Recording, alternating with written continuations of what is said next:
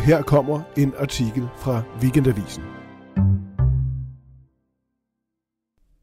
Det er en rystende artikel, jeg her vil anbefale. At stjæle børn er en helt uhyrlig tanke. Det er ikke desto mindre en del af Ruslands krigsbytte at bortføre ukrainske børn til russiske familier. I denne uge er det et år siden, at krigen begyndte, og det menes, at op mod 16.000 ukrainske børn er forsvundet. Hør her Ole Nyengs gribende artikel, De stjålne børn, læst op af Anna Libak. Og hør flere af avisens artikler på weekendavisen.dk.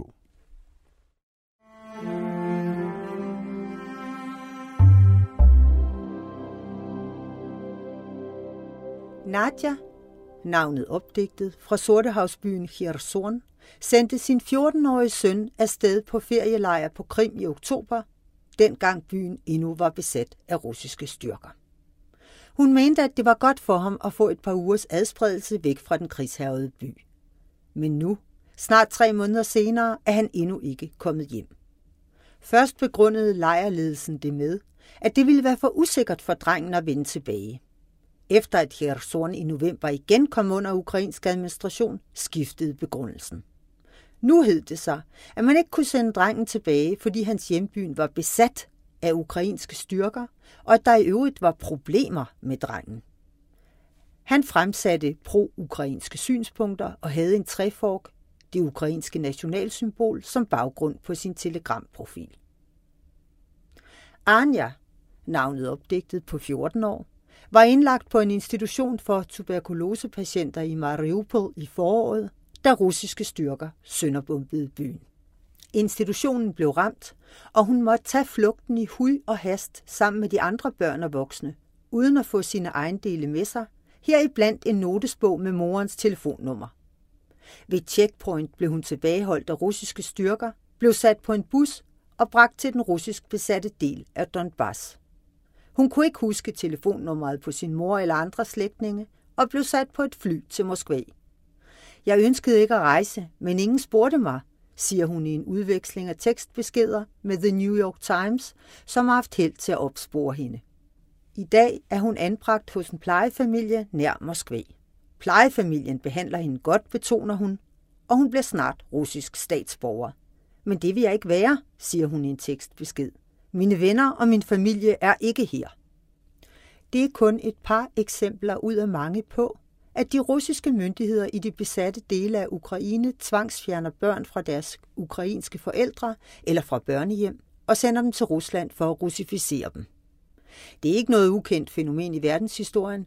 For eksempel blev omkring 200.000 etnisk polske børn tvangsfjernet fra deres hjem af nazisterne for enten at blive brugt som slavearbejdere, anvendt til medicinske eksperimenter, eller for de racemæssigt værdifulde blandt dem anbragt hos tyske plejeforældre og germaniseret. At den ukrainske regeringsportal Children of War, der dagligt fører regnskab med, hvor mange børn, der er dræbt, såret eller savnet som følge af krigen, fremgik det onsdag, at 13.876 ukrainske børn menes at være tvangsdeporteret til Rusland eller til de russisk besatte områder. Men tallet er givetvis større, siger Marina Lipavetska i telefonen fra Kiev. Hun er leder af afdelingen for eftersøgning af savnede børn i den ukrainske børnerettigheds-NGO Magnolia. Det antal, der nævnes på den officielle portal, er fremkommet på baggrund af henvendelser fra forældre, slægtninge eller børneinstitutioner. Tallet kan rumme børn, hvis skæbne man ikke kender, nogen kan være omkommet eller være blevet væk i krigens tumult. Men det er helt sikkert større end de knap 14.000. Rusland har blokeret for alle forbindelser til de besatte områder, både telefon og internet, så folk kan ikke ringe eller maile til deres slægtninge og rapportere om, hvad der sker. Vi får først det fulde billede, når den ukrainske her når frem, siger hun.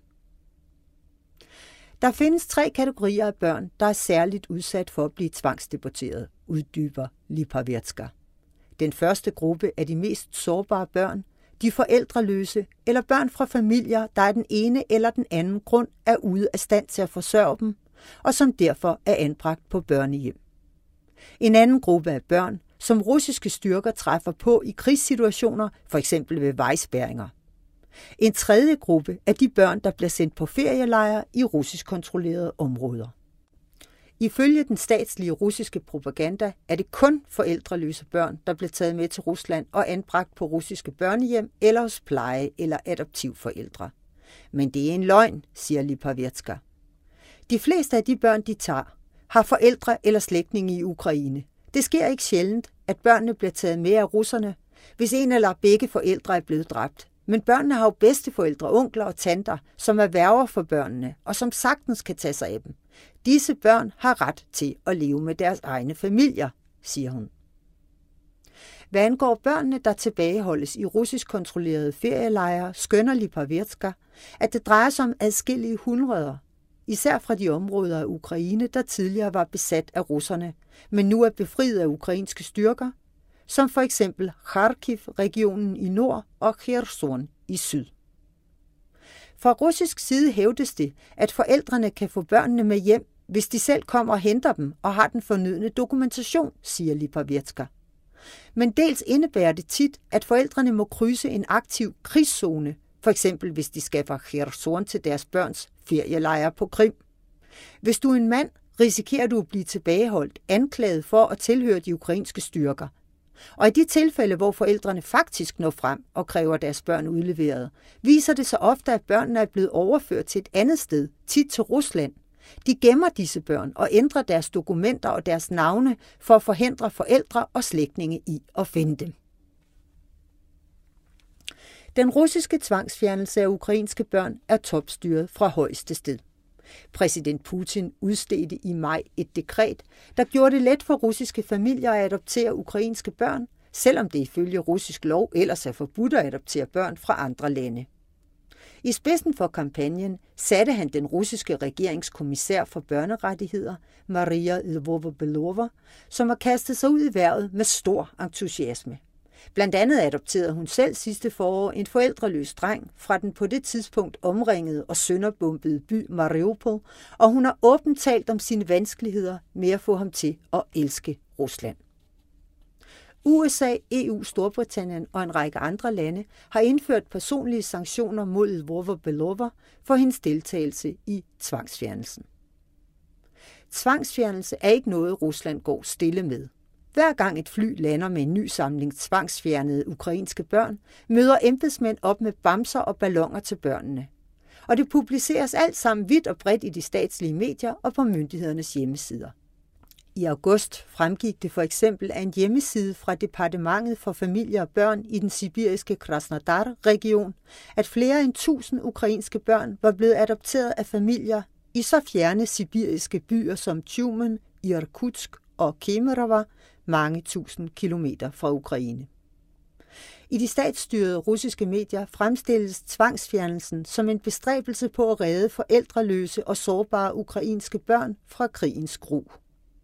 Men sådan siger Oleksandra Romantsova, direktør for den ukrainske menneskerettighedsorganisation Center for Civil Liberties, der i december modtog Nobels fredspris, ikke på sagen. At bortføre børn mod deres egen, forældrenes eller værgernes vilje er en krigsforbrydelse, ligegyldigt hvor godt eller dårligt børnene ellers bliver behandlet, siger hun i en telefonsamtale for Kiev. Hvis den russiske besættelsesmagt vil evakuere børn fra en krigszone af hensyn til deres sikkerhed, skal den give alle informationer videre til forældre, værger eller de myndigheder, der er ansvarlige for børnene, blandt andet om børnenes nye opholdssted. Børnene skal have mulighed for at opretholde kontakten til deres forældre og nære pårørende. De skal have ret til at udtrykke sig på deres eget sprog og til at dyrke deres egen kultur. Og de skal kunne returnere hjem øjeblikkeligt, når årsagen til, at de blev evakueret, ikke længere er relevant. Intet af dette sker, siger Romantsova. Tværtimod gør den russiske besættelsesmagt alt for at holde børnene og deres forældre hen i uvidenhed og for at udradere børnenes ukrainske identitet.